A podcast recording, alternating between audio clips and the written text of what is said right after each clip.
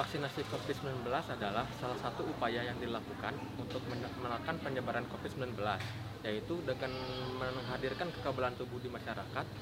Nah, apakah kamu sudah melakukan vaksinasi atau kamu sedang menunggu antrian? Atau mungkin juga pada saat giliranmu tiba, kamu sempat merasakan ragu-ragu untuk melakukan vaksinasi? Tidak usah khawatir, karena vaksinasi COVID-19 ini selain aman, juga banyak manfaatnya bagi kita semua.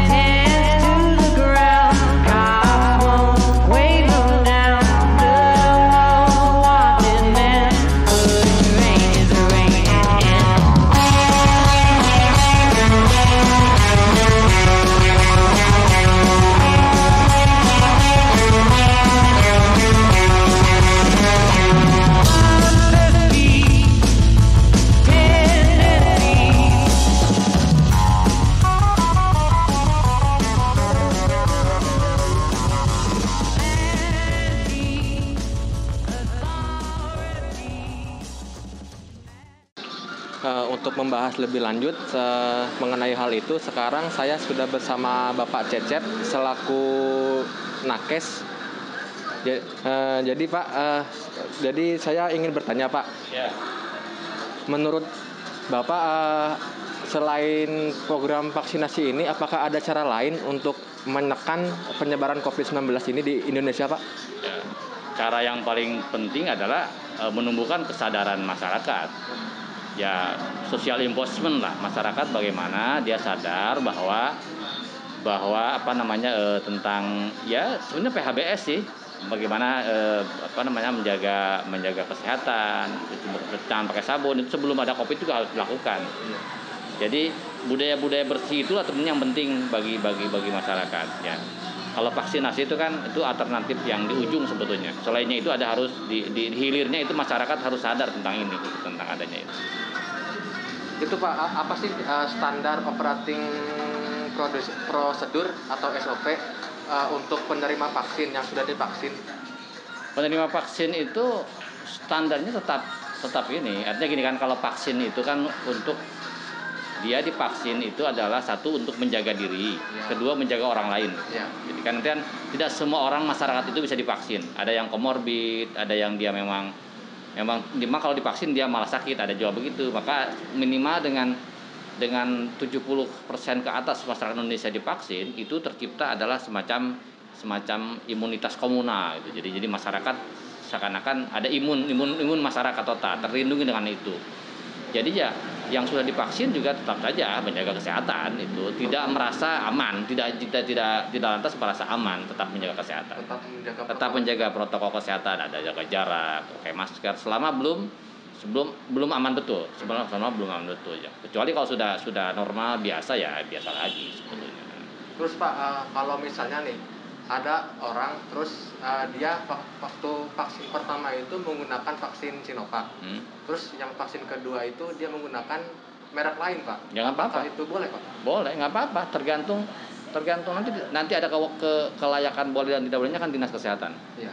jadi sebelum vaksin itu dia apa namanya eh, di ada screening screening Se- sebelumnya vaksinnya apa sekarang cocok nggak pakai ini ada itu yang yang bagian ahli ahli vaksin yang yang tahu tentang itu sebenarnya nggak boleh boleh aja kan dari sebelumnya Sinovac kemudian terakhir yang Moderna juga boleh kan Boleh.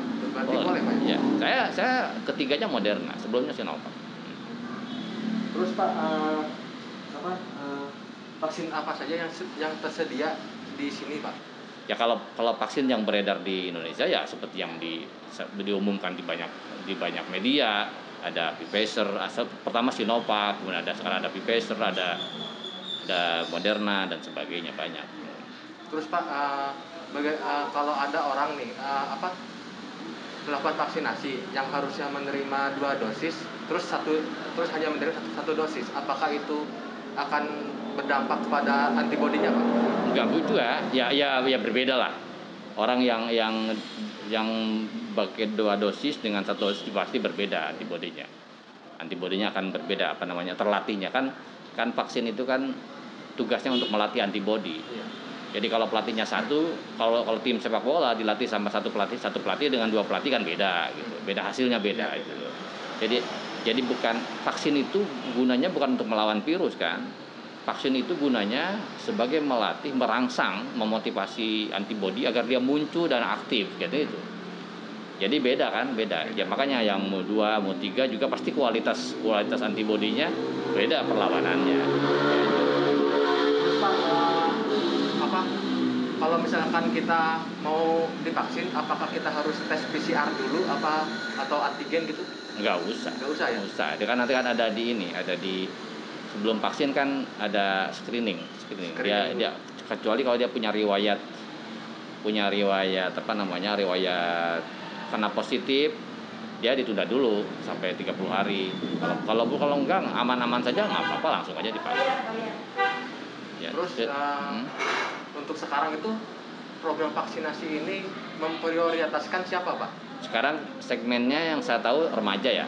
Remaja. Saya tahu remaja segmennya kan sekarang dulu kan dulu tenaga medis, tenaga pengajar, Iya.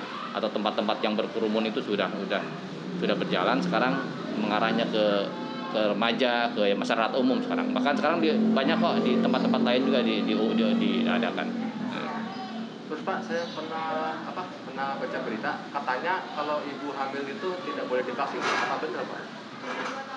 awalnya dulu iya tapi sekarang kan sudah ada klarifikasi boleh kan Boleh katanya. boleh ibu hamil ibu menyusui juga boleh kan boleh Itu boleh. waktu dulu kan katanya nggak boleh ya. Hmm. Terus sekarang boleh itu gara-gara apa Pak? itu karena memang kan awalnya orang hati-hati lah Hati-hati. kan sebelum karena orang beri, orang hamil kan ada ada resiko jadi sebelum sebelum sebelum rame-rame ya udah tunda dulu yang hamil nanti nanti kita teliti dulu ternyata dipelajari berikut berikut ternyata nggak ada masalah kan jadi saya kan vaksin itu kan vaksin virus itu kan dadakan semua kan? Semua didadakan semua uji coba. Uji coba. Makanya makanya pemerintah lebih hati-hati. Untuk hamil awalnya nggak boleh. Ternyata jadi boleh setelah dia melakukan penelitian penelitian jadi nggak nggak sembarang. Yang aman-aman saja. Dulu yang komorbid ini nggak boleh ternyata jadi boleh. Ada karena setelah dalam perjalanan ternyata nggak ada apa-apa. Namanya gitu. Jadi eh, segitu aja sih Pak pertanyaannya Pak. siap. Ya. siap, siap. Dan jadi eh, sekian pemirsa eh, perbincangan saya dengan Bapak Cecep. Eh, sebelumnya saya ter- terima kasih Pak atas Ya. waktunya Pak Ya. yang sudah berkenan untuk diwawancara Pak. Ya. Jadi eh, pemirsa melalui video ini menunjukkan bahwa program vaksinasi ini masih menimbulkan pro dan kontra di kalangan masyarakat. Oleh karena oleh karenanya eh, edukasi tentang program vaksinasi ini sangat penting untuk memberitahu kepada masyarakat agar tidak terpengaruh oleh berita-berita bohong di luar sana. Nah, maka dari itu, mari kita dukung program vaksinasi ini, program pemerintah eh, dengan melakukan edukasi agar masyarakat eh, bisa melakukan vaksinasi ini, agar bersedia melakukan vaksinasi ini. Eh, sekian dari saya eh, dari tempat po- po- po- pos vaksinasi di apa Kecamatan Ciomas. Sekian, terima kasih. Wassalamualaikum warahmatullahi wabarakatuh.